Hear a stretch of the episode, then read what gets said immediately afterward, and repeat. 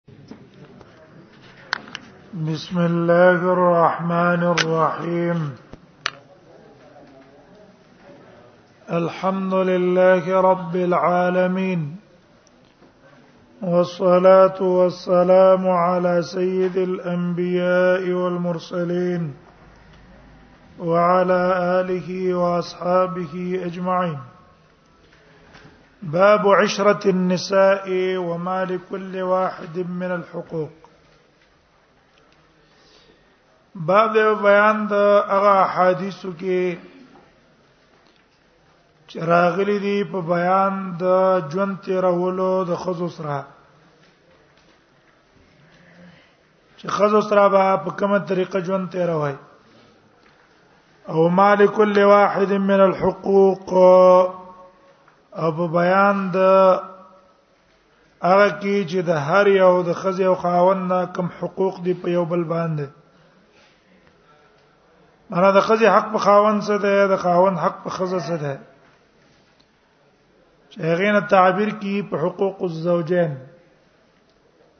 دغه حقوق الزوجین متعلق احادیث په دې باب کې ذکر کړي عشرت ته معاشره نه ده جون تیرول ته وي زه خیسو په کومه طریقه باندې جون تیرې دې باب کې مصنف رحم الله څلور درش احادیث راوړي او رجب شپک مسائل تھا اوله مسله به بیان حقوق بیان حقوق الزوجه علی الزوجه د خاوند حق په خزه باندې څه ده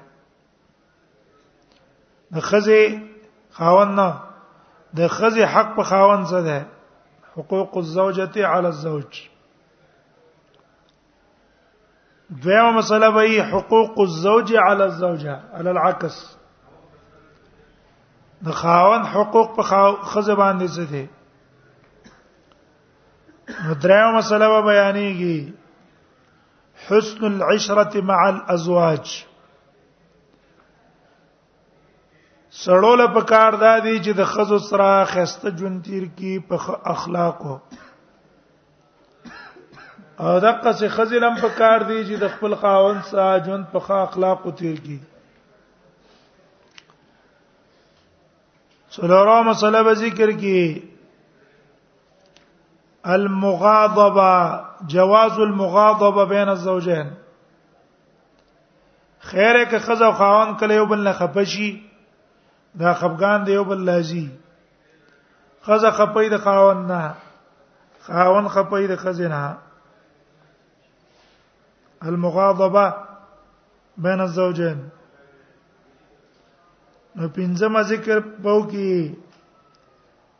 عشرت الضرات فيما بينهن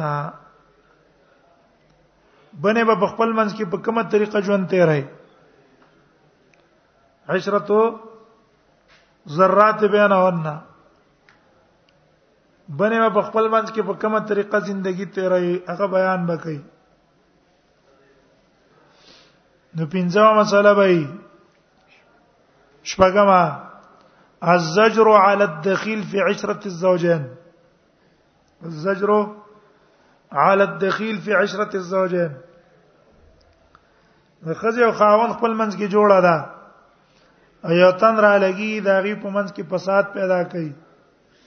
داغه د پاره به زجر بیان کی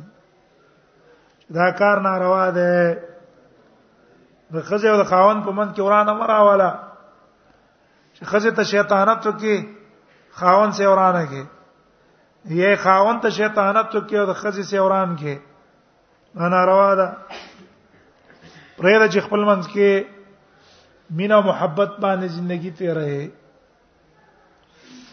عشرة النساء جون ترول د خزو وما لكل واحد من الحقوق الفصل الاول عن ابي هريره ده ابو هريره ځانګونه روایت ده موضوع د حدیث تعریف التعریف بتبعیه المرأه نبی صلی الله علیه وسلم به د خزې د طبيعت تعریف وکي چې ګوره د خزې په مزاج کې کوګواله ده اصل د دې کوګواله ده نو خامخا به د دې په مزاج کې نقصانات دي کارونه به ته نقصان صادريږي ځکه فرع تابع دي چای کل شین يرجع الى اصله هر شي رجع اصل ته کیږي دیو جن ته بسکه در گذر بکې په دې کارونه د ابي هريره جلان کو نه روایت ده قال قال رسول الله صلى الله عليه وسلم دی وای چې نبی صلی الله علیه وسلم فرمایلی دی استوصوا بالنساء استوصوا دلته استیصال بمعنى قبول الوصيه تاسو قبول کړئ وصیت زما تاسو ته په بار د خزو کې مرافق بلو وصیتي فی النساء قبول کړئ زما وصیت په بار د زنانو کې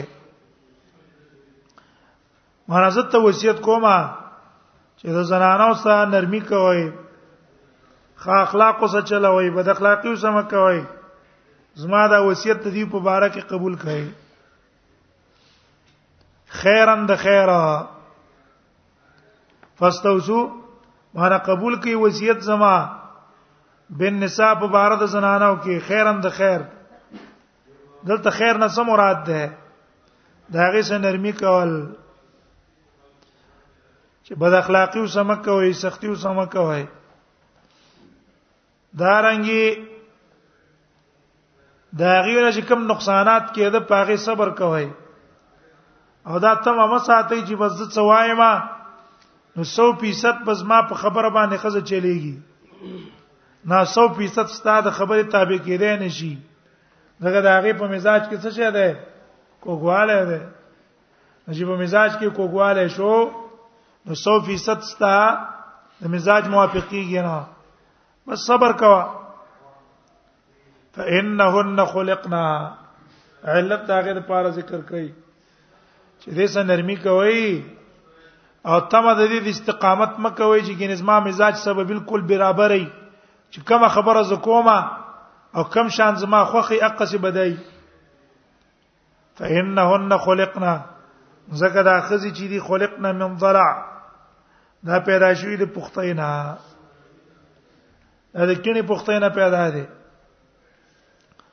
یا دا بنا دا علی الحقیقه زکه حوا رضی الله عنها چې دا د زنانو اصل له دا پیدا شوی د آدم علی السلام د کینی پختینا نو ګوره اصل ماده د زنانه کینه پخته ده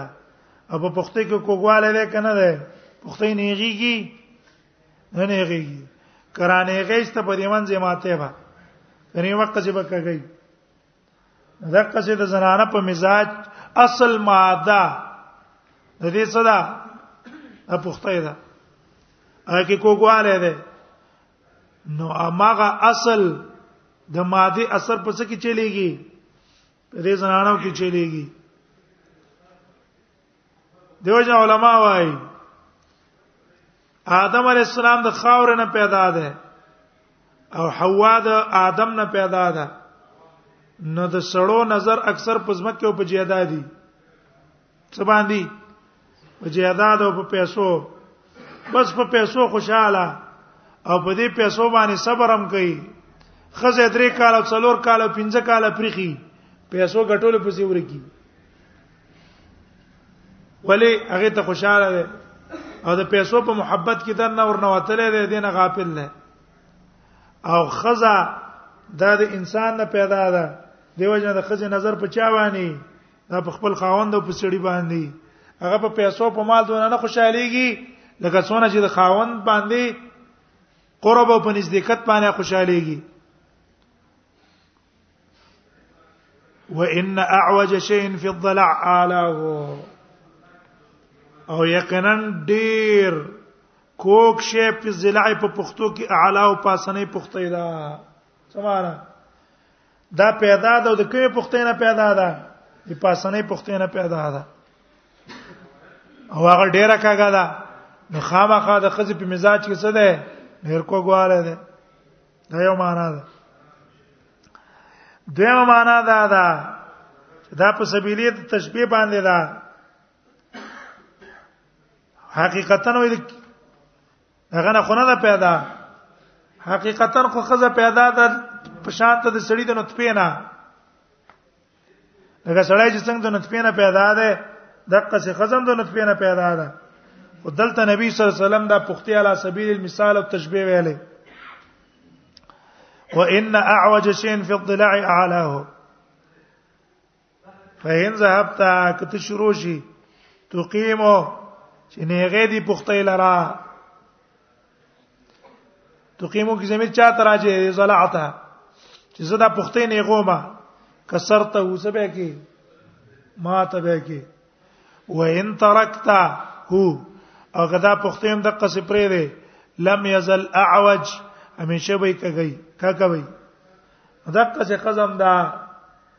کته وی چې هر کار دې د خزي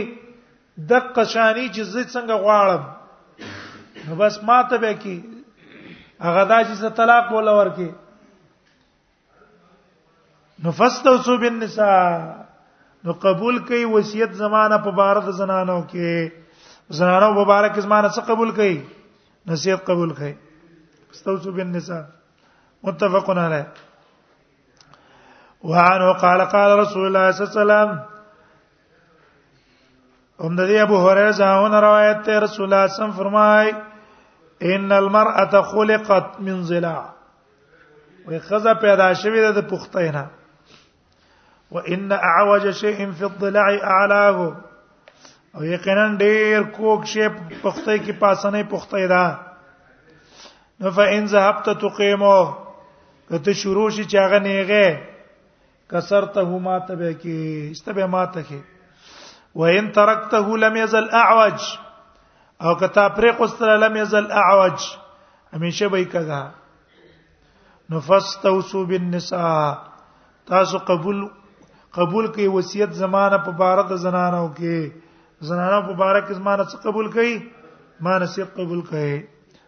متفق علیه وانه قال قال رسول الله صلی الله علیه وسلم به پاس لاړو ان المرأه خلقت من ضلع وې خزه پیدا شوې ده من ضلع د پختینا لن تستقیم لك على طريقه اس کله به برابر نشي ستاسو لپاره په یو طریقې مردا کې دې نشي چې بالکل د استاد مزاج سره 100% موافق راشي دا کې دې نشي لکه لاندې وجه خي لا يفرق مؤمن المؤمنه ان کریا منا خلقا رضی منا اخرى ټیک د پای کې بخصي پاته می خراب بندګي خو یو شان ټول کې دی نش فإن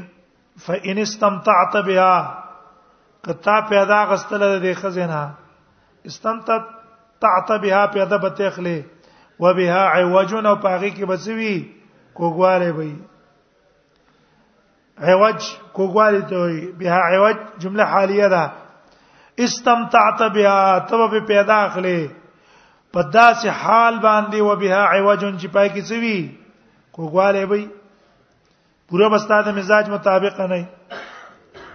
عوج کې عین باندې کسرم جائز ده فتحم پکې جائز ده کسره پکې راجح ده عوج او عوج چا پرخ کړی چې نه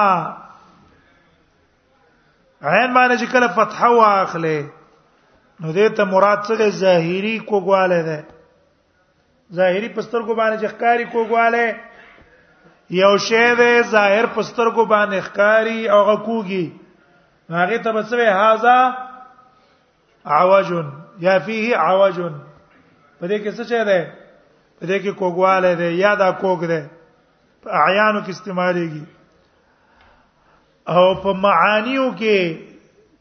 چې د خوې خراب دی د مزاج خراب دی دا د معنی قبیلو نه دي کنه چې پسترګو نه ښکاری الته به کسره استعماله چې فيه عواج ويره کې کبه دې کې کوګواله ده کوګواله د معنا شو چې فرق دا کړی دی چې نه هر هغه شی چې په ځمکه باندې اولاړی اوچت او پاکه کوګوالی الته فتح استعماله امسا شو استن شو دیوال شو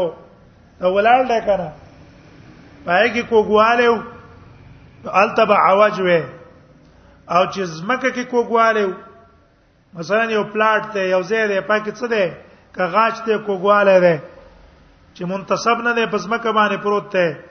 نو الته موږ څه وایو الته موږ کسره وایو عوج دا فرق چا کړه او څو کوی نه دی یو بل په ځای راځي استمتعت بها نو ته پیدا اخلي په هغه باندې وبها عوج په داسې حال باندې چې پای کې وکوغوالي وان ذهبت تقيمها وان ذهبت تقيمها او کته شروع شي تقيمها چې هغه نه غږي ته جنا زبېنې قومه زما چې څنګه خوې دې اق باندې به ژوندۍ را ستې راي دا خلاف بنه کوي کسرته ما ته به کې بس به په طلاق ولا ورکانو وکسرها طلاقها او د دې ما تول طلاق دا غیری بس طلاقې به به وبلا کې بل هم د مزاج مطابق نه هم طلاق ہے وکسرها طلاقها رواه مسلم وانه قال قال رسول الله صلى الله عليه وسلم لا يفرق مؤمن مؤمنه ان كره منها خلقا رضي منها اخر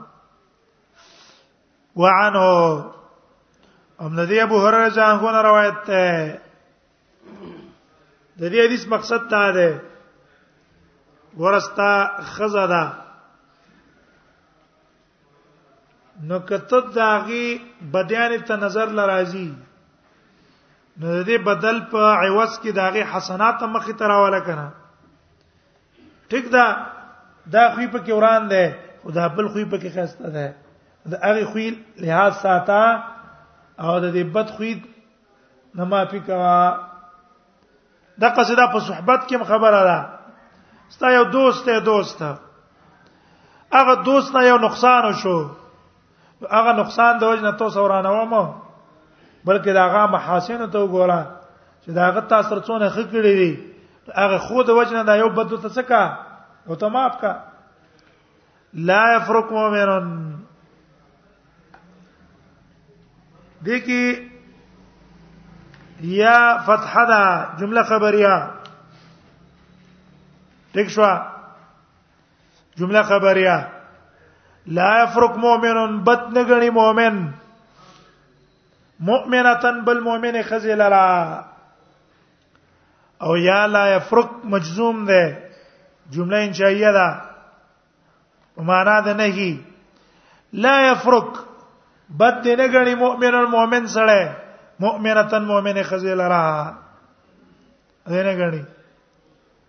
ولی انکر یا منها وجه ذکر کوي نفرت ته وسزه کنه کوي فرق ویل کی ستا نه دغه ته نفرت کول او ته د چانه نفرت کول انکر یا منها زکه کدا بد غنی د دې مؤمنه خزینه خلقا یو خوی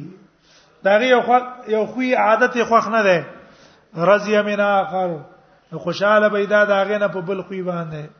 ټیک دا, دا خوی به دي شي بل خوی به کې څه بل خوی به کې خستای او خسته خوی د وجنه بته خوشاله رواه مسلم وعنه قال قال رسول الله صلى الله عليه وسلم هم د ابو هريره ځاونه روایت ته چې رسول الله صلی الله علیه وسلم فرمایي لولا بنو اسرائیل غرض د حدیث دا ده چې ګورا د زنانه په مزاج کې دا کار دی چې هغه سړی باعث کې په کولو دی یو کار دیو جن ته بچکه ته به احتیاط کې په دې کې چې څنګه دا خزا تا باعث نه کی بدس یو کار چې د شر نه مخالفي آدم علی السلام جنت کیو د ونې په خړلو باندې چا باعث کو حوا رضی الله عنها باعث کو هغه په باعث وا او هغه ونه په خړلا او دا قونه د خړلو د وجنې ست جنت نه وروته لولا نبی صلی الله علیه وسلم فرمایل لولا بنو اسرائیل وې کچرت نه وې ذخیره اندوزی د بنو اسرائیلو لولا بنو اسرائیل معنا څه ده معنا لولا ادخار بنو اسرائیل که بنو اسرائیل ذخیره اندوزی نه کوله دیو باندې الله منو سلوان نازلو او حکم تشویو چې خوري به خو ذخیره اندوزی باندې کوي و دې پر اسرائیل په الله باندې اعتماد نه و چې نه اعتماد په الله نه و او ویل چې کې دې چې سبا مونږ ته ملاو نشي نشته ذخیره اندوزی شروع کړه الله په ذات اعتماد نه و وې کدا شي نه وې نو سبا نه وې شوه لم يخنز اللحم نبا بدبویا شوی غوخه لم يخنز اللحم نبا بدبویا کېدل غوخه دا غوخه بدبویا کېدل نه او دا غوخه چې خرابېږي او بدبوی پکې راځي غوخه ځکه ذکر کوي دا زر خرابېږي په نسبت د نور شینو کنه ټول شي نه خرابېږي کنه ښه کیږي زړیږي فساد پکې راځي خو د ټولو په نسبت په خوخه کې څه راځي زر دا غوخه باندې خرابې دله او بن اسرائیل ذخیرندوزی وکړه په هغه باندې عذاب الله مقرر کو او هغه عذاب اثر هم د قصر روان ده ولولا حواء ولولا حواء معنی دا ده لولا خانت حواء او که خیانت نه وکړي حوا د آدم علی السلام سره په باعث کولو په خړل دا غونه باندې حوار جلان هار اوله کېدلا او تیزی ول ور کړلا په خړل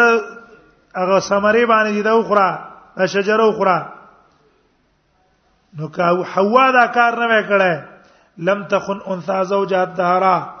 باعث کړه بنوي په خیانت باندې یو زنانه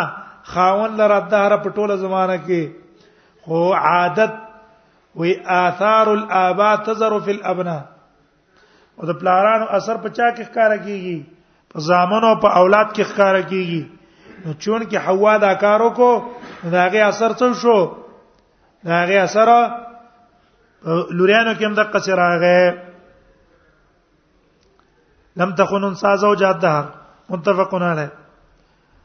وعن عبد الله بن زمعه قال قال رسول الله صلی الله علیه وسلم عبد الله بن زمعه نه روایت ته رسول الله صلی الله علیه وسلم فرمایلی دی لا یجلد احدکم امراته جلد العبد نه دی وای او تن تاسو خپل خزا جلد العبد په شان ته دوهلو د غلام به جلد العبد دا مطلب نه ده یعنی رسول الله صلی الله علیه وسلم مونږ ته وی چې غلامان وای نه شریعت مونږ ته وی د غلامانو سره نرمي وکړي دا غي سره احسان وکړي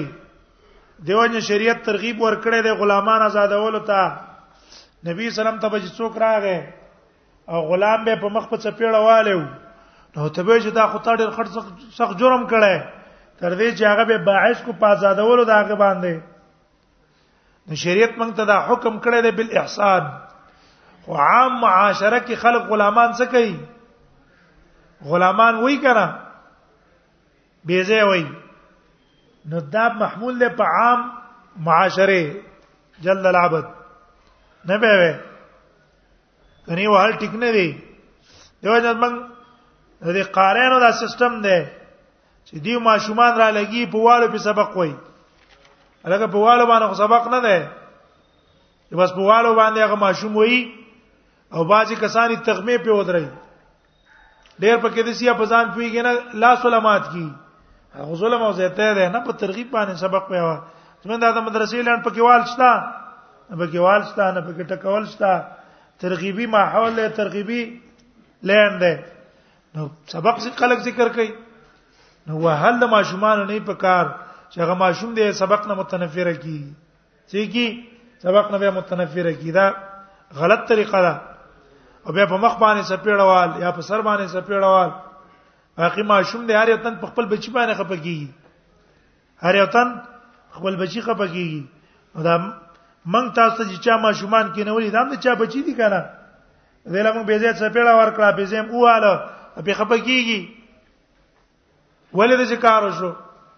نو په خسته اخلاق او په خسته مزاج باندې تعلیم ورکول پکار دي نو نبی صلی الله علیه وسلم فرمایي وي تاسو خپل خزمه وي په شان ته د وهلو د غلامه ثم یجامعها ثم د پاره د استبعاد ده ثم يجامعها بیرا لګي دا یو زیواله کې دا غسرا فی اخر اليوم په اخر د ورځې کې سار دی والا ما خام په کوټه کې وسه سملې ډېر بعیده خبره نه ده سار دی واله ده اوس ما خام له وسه کې په یو کوټه کې سملې دا خدای عق عق هغه څوک دی سړی وای چې بیا وسه څه نه وي تاسو کزوا چې سبا دې د هغه سره تعلقات ته وسه ناراضي او چې وسې وې ما خام لدی بیا سره ملاقات ته او یو بل تم ضرورت ته وسې وې ډېر بعیده خبره ده وای ثم یجامعها فی اخر اليوم او بیا وسه جما کوي په اخر ورځ کې دا افراط دغه نه دی کول په کار کنه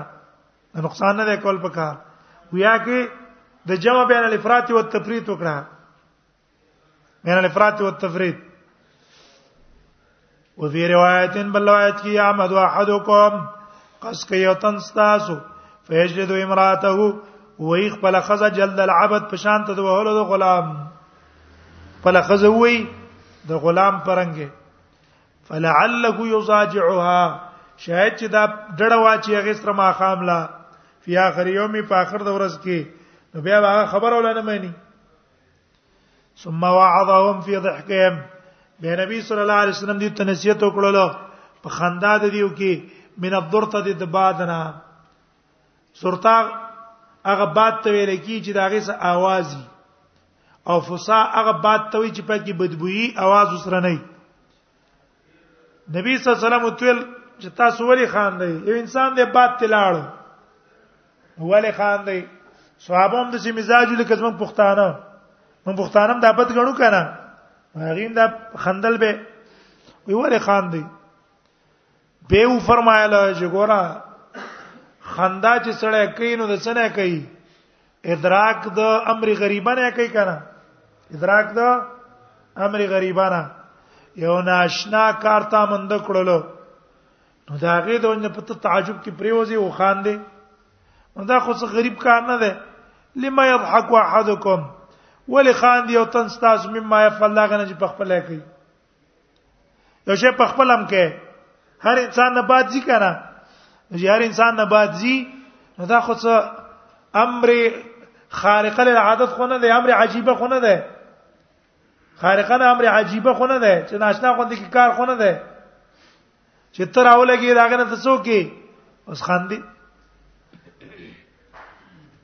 مما يفعلوا فقال لما يضحك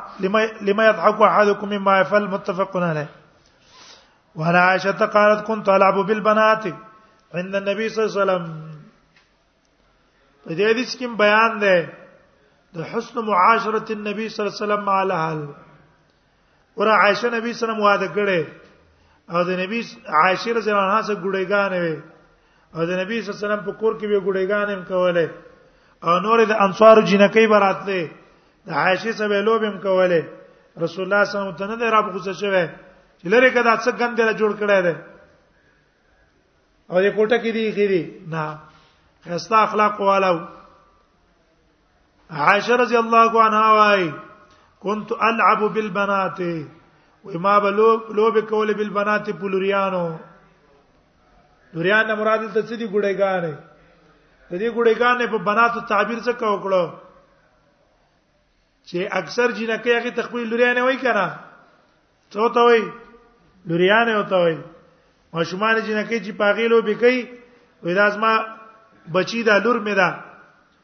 وې ما پاغه باندې لوبي کولې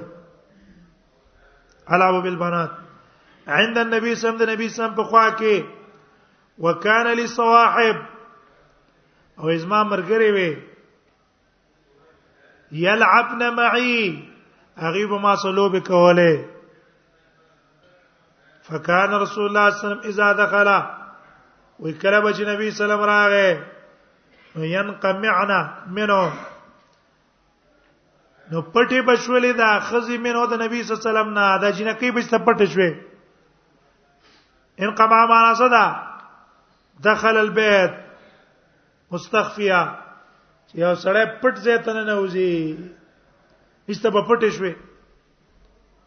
نو فیسربهن الیا نبی صلی الله علیه وسلم به به تما ترا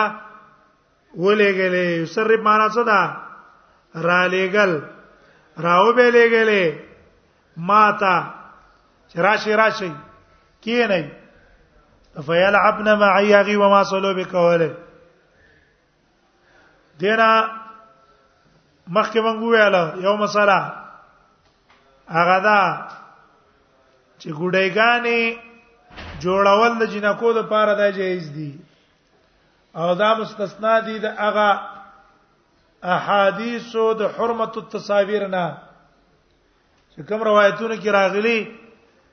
اشد اشد الناس عذابا يوم القيامه المصورين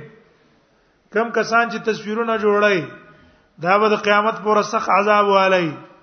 نو دغه حدیث نه دا ماشومان جنکی چې ګړېګانې جوړې داته مستثنا دي د دې حدیث د وجنه دویم دا حدیث مستثنا ده د هغه حدیث نه چې رسول الله صلی الله علیه وسلم فرمایلی دی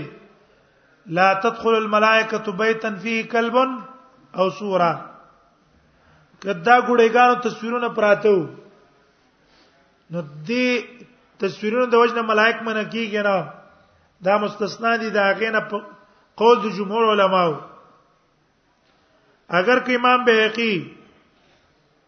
امام بهقي او نور بعض علماو هغه دا قول کړی دی چې دا پاول کیو به رسو منسوخ شوه هغه حدیثو چې کم کې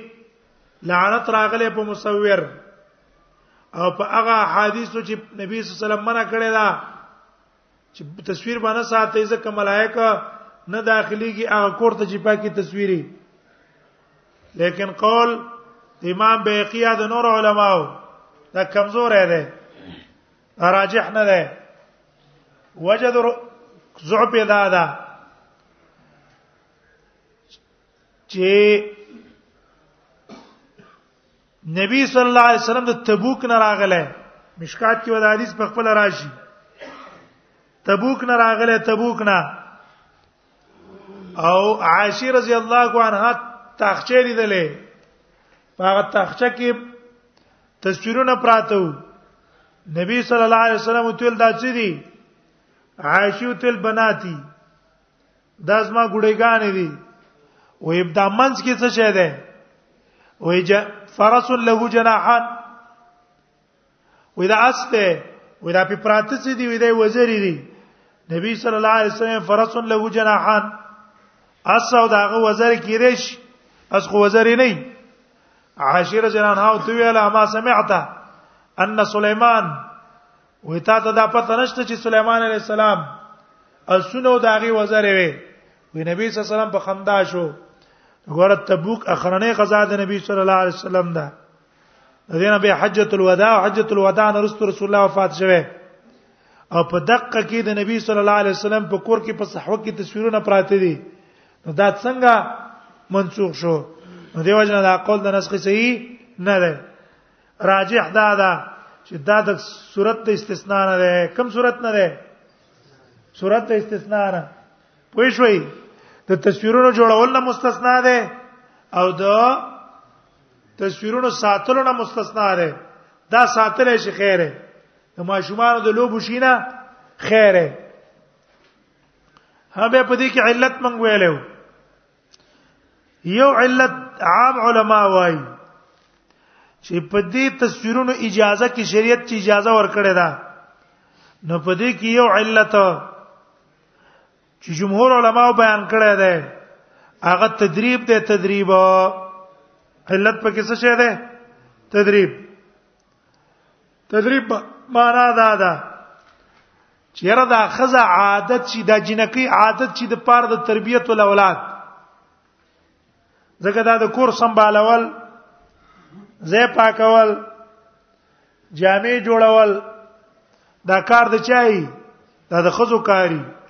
هغه په دې شینو باندې پويږي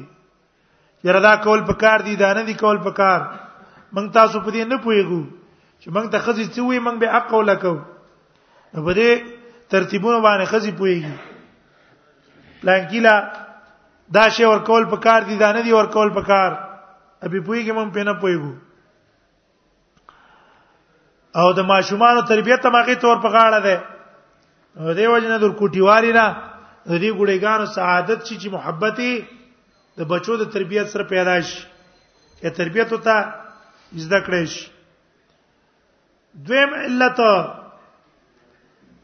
حلیمی سے ویلو چې دې کې علت اصل کې نشو نما دا نشو نما هغه دا چې کله ماشوم خوشاله وي ستا ماشوم دی ته خوشاله ساتي زیل او غم ته نه پرې دی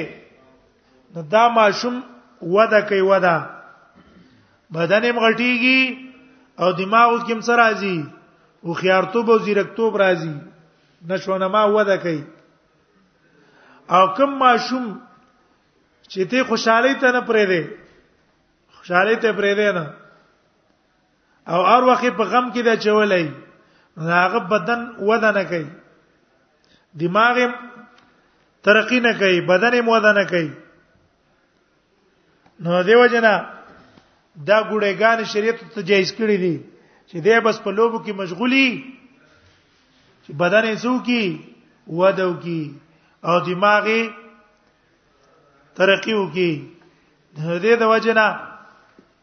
شریعت دا جایز کړی دی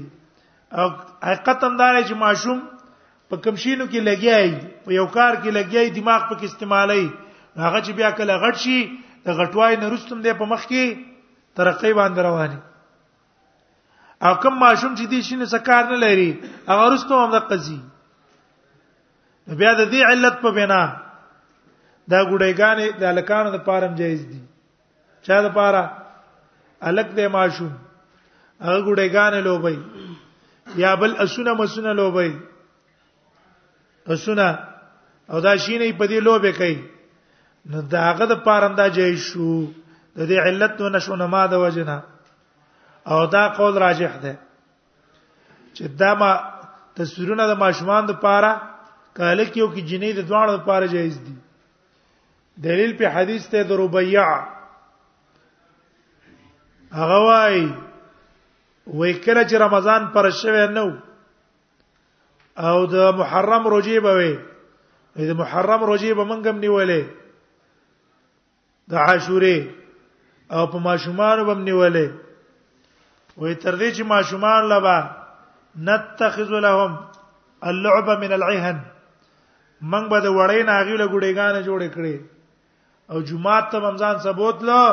او په ګډېګانو به مشغول کړ د لپاره چې روزه سکی ما خام ته اورځي دا حدیث نه معلوم شلو چې الکان هم څه کولای شي لکان هم جوړولای شي وړه ما شومانی خیره نو دې کې نبی صلی الله علیه وسلم حسن معاشرت معلوم شو فیسربهن الیا ودی به ما تراجمه کړلې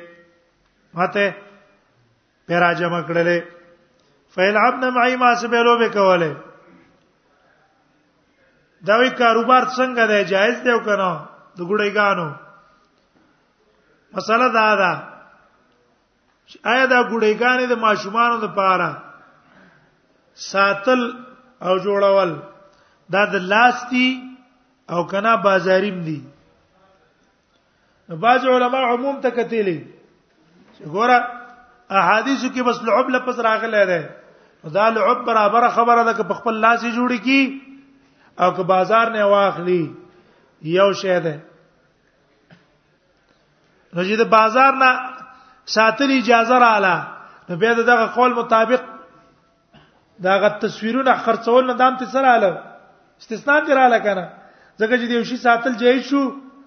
خرڅول هم جایز شو دا قول امام مالک ته منسوب دی دویم قول چې دلایل په اعتبار باندې راجح ده هغه دا چې شریعت هغه ګړې کی اجازه ورکړې ده چې کم په لاس جوړ کړی شي او پاک ډېر ډول او کمالات نه دي هر چې ماشيني ګډېګانې دي نو پاغه کې اجازه ټیک نه ده چې سړی اجازه ورکي ولې وجداد چې شریعت چې منع کړی دا تصویرونه نه نو علت منه تصویرونه څه دي المزاحات خلق الله ده کنه ده تصویر نه ولې شریعت منع کړي په دې کې مشابهت ته الله د مخلوق سره ټیک شو او بازاري ګډېګانو خود سي انسانانو مشینه جوړای چې بینی ته کده انسان دی سترګې ماړې راړې پاکي هغه لګولي خبرې هم کوي ته چې څه خبر او تو کې هغه ځان څه ټیپ کې به ته تا ته کوي اشاره او تو کې لاسونه هم خوځي حرکت هم کوي غته بازاري اجازه ورکړي نو بیا کوم مشابهت خلق الله څه شولو د پاسه په چته درجه باندې راځي لہذا وی شریعت اجازه کوم شي کې ورکړي دا پاک ورکړي چې په غوتو باندې جوړ شي او هر چې بازاري دي بازاري اغستله دا نه دي پکار وهذا هو الاحوت او دې قول کې څه ده د کی احوت ته نو کاروبار هم ده دي ګډېګانو نه ده پکار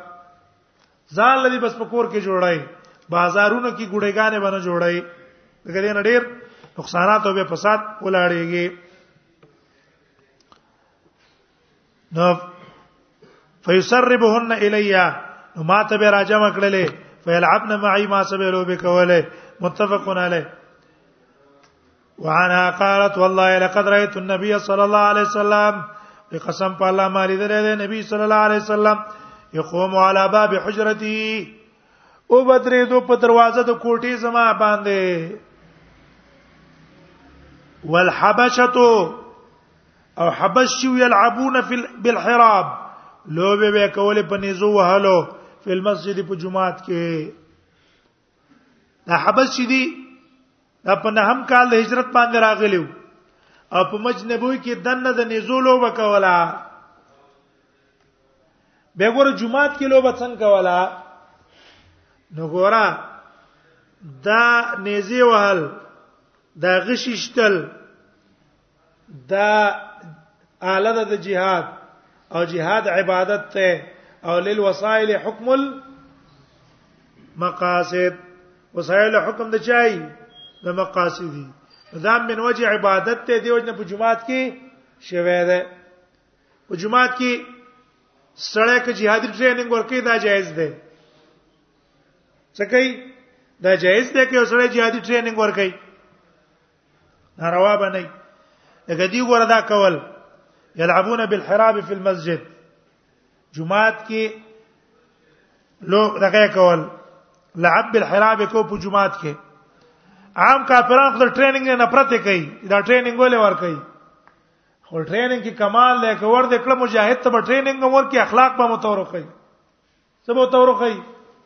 اخلاق به متورخی یو تن صرف ټوپک ډز زده کو او اخلاق برابر نه دي فساد بکې کنه بکې فساد بکې ورانه بکې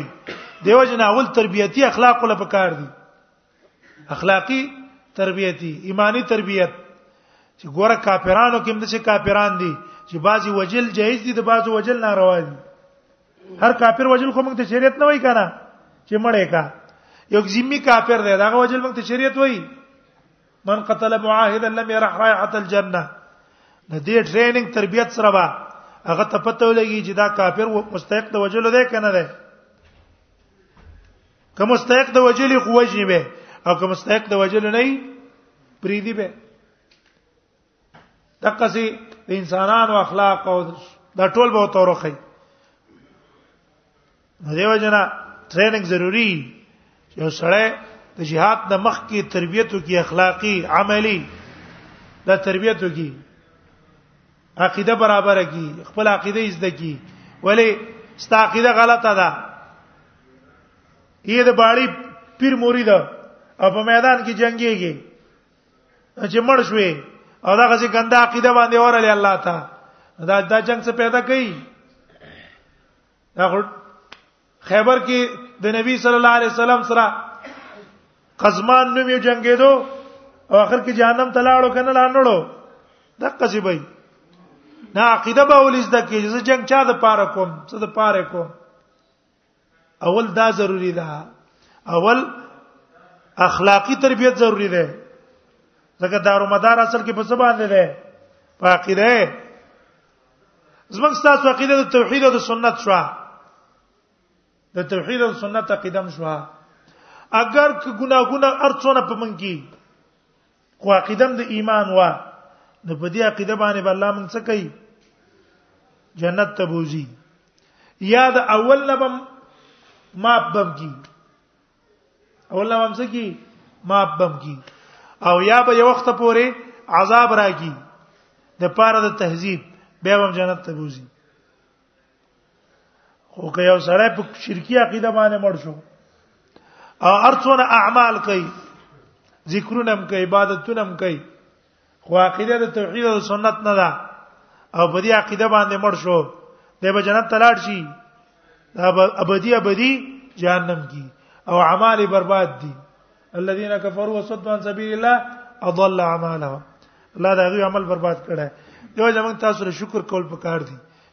الله موږ ته صحیح عقیده را نصیب کړی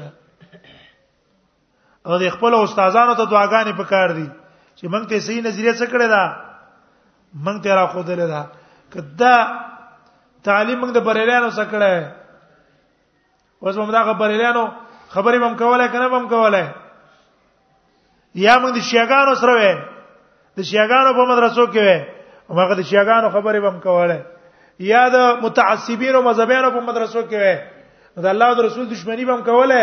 او دا بم ثواب غنله ثواب غنله ثواب بم غنله او ویل بم شیخره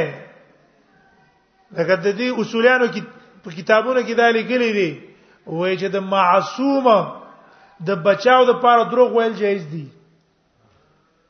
یو تن معصومي او تر لګيږي داغه د بچاو د پاره دروغ ویل دا جایز دي نو دیو جن دا مذهبین نه دي دی د خپل امامانو مبارک دروغ وای او د الیدیسو په خلاف باندې افتراءات جوړای موږ تاسیخین چې دا دروغ وي په موږ باندې خدا دروغ ته غي ثواب وي لکه شیعاګان چې خپل دروغ ته ثواب وي کنه دی خپل دروغ ته څه وي او غرض دا ده چې دا له حدیث د امام بونی پس په مورچل باندې ناشته دي او امام صاحب یې اشاره کړی دی موږ ته څه کوو دا ته خلاصو ټیک شو انقاذ برین په دې شرقایل او په دې کې لیکلي دي کنه تلوي توضیح دي شنو کې مسلم ثبوت کې چې له انقاذ بری د بری خلاصول لپاره دروغ ویل څه دي جایز دي دې ځین کې دا ځان له داشینه جوړ کړي راشه په لیدي چې باندې ابتراعات هم کوي دروغ هم پی وي دې ټول بیان په دروغ دي کنه هغه خبره واره ټول دروغ چرته رښتیا پکې نه او چې رښتیا ویاله مونږ یو سمانو مونږ زديان نه نه عنا دي نه مونږ تک شیعه خبره او کچ استاد د عمل خطا ده دا دا عمل صحیح ده سي ده او مونږ ته پته ولګي ده چې او دا صحیح ده پاسات به مونږ د شیعه خبرو مونږ نه بپریدو مونږ کار څه ده محمد رسول الله تابعداري او محمد رسول الله تابعداري چا موږ ته خودله عقد دا حدیث معنا دا نه ده کنه والحکمه ضاله المؤمن وي ورکشوي شی د مؤمن حکمت د مؤمن ورکشوي شی ده فهنا وجدها فهو حق بها ستانه موبایل ورکشو موبایل او دلته یو پوډری دی خزیږي ناول له مردار دی او په لاس کې موبایل نیولې دی او راغه تا ته چې دا موبایل د چا نه ورک دی نو ته به دا موبایل اخلي کنه به اخلي ته دا وې چې مړه دا مردار پوډری دی ورکه کدا موبایل ته نه اخلم او دا په لاس کې راخسته ته ته پری دی تاغه مردارتوب ته ناولتوب ته خباست او هیڅ چی ته نه ګوري خو خپل مقصودی چې اعتراف لې دغه ځل حکمت ضاله المؤمن سنت او د دین لازم موږ رکشوي شی دی دا موږ ته بریلیو خو دو کدی بندي خو دو ک پنځپيري راته خو دلو او ک تبلیغي راته خو دلو او ک دیوبندي راته خو دلو چې چا موږ ته خو دلو ک يهودي او کنسراني راته خو دو خو چې حق مسله موږ ته څه کوو هغه ته خلک یاره ټیک ده اته موږ ته خبرو که خبره کې څه ده صحیح ده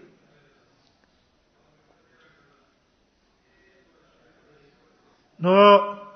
خبره دا و چې جمعات کې د لوبي د څه وجه نه کړی حاله د jihad وا نو شکر تربيت د عقيدې ډېر پکار دی غرض مې دا دی چې دی وخت موږ تاسو ته ضرورت ډېر دی موږ تاسو ته ګوره دعوت ته ډېر سخت ضرورت دی چې موږ تاسو خلکو ته دعوت وچلو او دا دعوت الحمدلله اوس ډیر اثر کوي څه کوي ډیر اثر کوي ته د الله او رسول خبرې کوا خپ نرمۍ په مزاج خپل بڑاس مو باسا یو ځای ته چلاړي سر ردونه کوما خپل پاکه مسله بیانوا خلق بلګي لګیا دي ته خپل خبره مخکې بوزا ان شاء الله تاسو به کسان سکیږي تاسو به کسان پیدا کی ستا دعوت په الله مخکې بوزي یو وخت سیو چې هم دې پیښور په دې علاقو کې چرته مشهور به یو حدیث علی حدیث یو جمعات به او ډیر موږ تاسو ورېدلې دي چې په علاقه کې د علی حدیث جمعات جوړېدو سيزو به پرې خوستو به نه اوس الحمدلله چې زی دلته علی حدیث جمعات تلته د علی حدیث جمعات تلته د علی حدیث جمعات ته دونه مطالبه دي جمعاتونو چیرې مونږ جماعتونه جوړو خو څوک د جوړولو ولا نشته چې ولا جوړي کی دا د دعوت اثر دی کنه تاسو چې اثر دی د دعوت اثر دی دعوت بس پکا نه غړای وراول بنیاد دعوت ته د اسلام لپاره دوه شي نه دي دی وخت یو جهاد ته یو دعوت ته جهاد هم دویم نمبر خلک په کرانه نه وته نو چې وکړلو نقصان یې پاکه پیدا کو اوس یو شی پاتې شو پورا چې هغه دعوت ته دعوت په دې دعوت کې دویم خلک نه رانه وځي ځکه ظاهر کې دعوت چې چلے غوړه پیسې به دستر نه سخته به تیرې تکلیف به تیرې نو دې ته څوک راوځي دا کسان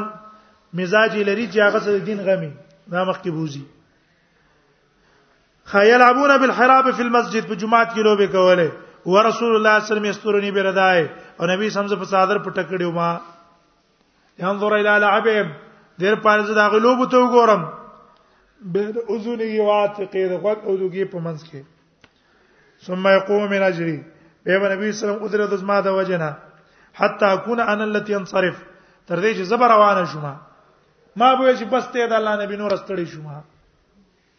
تاسو اندازه ولګوي فقدروا اندازه ولګوي تاسو قدر الجاريه اندازه دغه جنۍ الحديثه السن جنوي عمر والي الحريصه على الله وي او مين د چا سره د لوب سره چې د لوب سره مين نه نو تاسو اندازه ولګوي چې دا په څونه وخت پورې ولاړی ډیر به ولاړی کنه او تر هغه وخت پورې ما تر رسول الله ولاړو ته حسن عشرت ما سره تیر کړه ده خسته ژوند ما سره تیر کړه بیا په دې باندې غسوالو مخکې مونږ ویلو چې ګوره نبی صلی الله علیه وسلم ام سلمہ ته ویلو چې فعمیوان انتما میمونه ام سلمہ وکړه عبد الله بن مکتوم په بارک ویلو چې تاسو غړندې نه یې احتجبا منه او دلته عائشه حبشه ته کته الته من جواب یو کړو چا جواب کړی دی چې الته نظر وسړی ته الته نظر دی لوب وتا ستا دی انظر الى لعبهم نظر لوب وته ده ولیکن دا جواب کمزور دی ولی لوبو کې نظر خامخه په سړی لګي کنه لګي بیا په سړی نظر ولګي دیم جواب چا دا کړه چې دا قتلو قتل خو عاشر زرانها وړاوه چا جواب دا وړه وا ولې فقدر قدر الجاريه الحديث السن دا جواب هم کمزور دی ولې زکا حبش په نه هم کال لاغلی او نه هم کال عائشه رضی الله عنها د شپاړه سو کال وا څو وا شپاړه سو کال وا دیو جن نبی صلی الله علیه وسلم شاته پټه کړه جواب هم کمزور دی راجح جواب من کړو چې عورت الرجل الى المرأه كعورت الرجل الى الرجل ټک شو خزتا د سړی مخ ته لاسونو ته دیجنو ته کتل له جایز دي سنا روانه چې کله پکې شهوت نه دیو د شریعت حکم چاته کړه خزو ته په حجاب کړي سړی ته نه ده کړه نو که زنانه لاره خزه ته قتل ناروا وي او دته مې چې تب حجاب کوا کنه تم څه کوا حجاب کوا دیو جنا د قراجه قول شول تم کړه وو بس به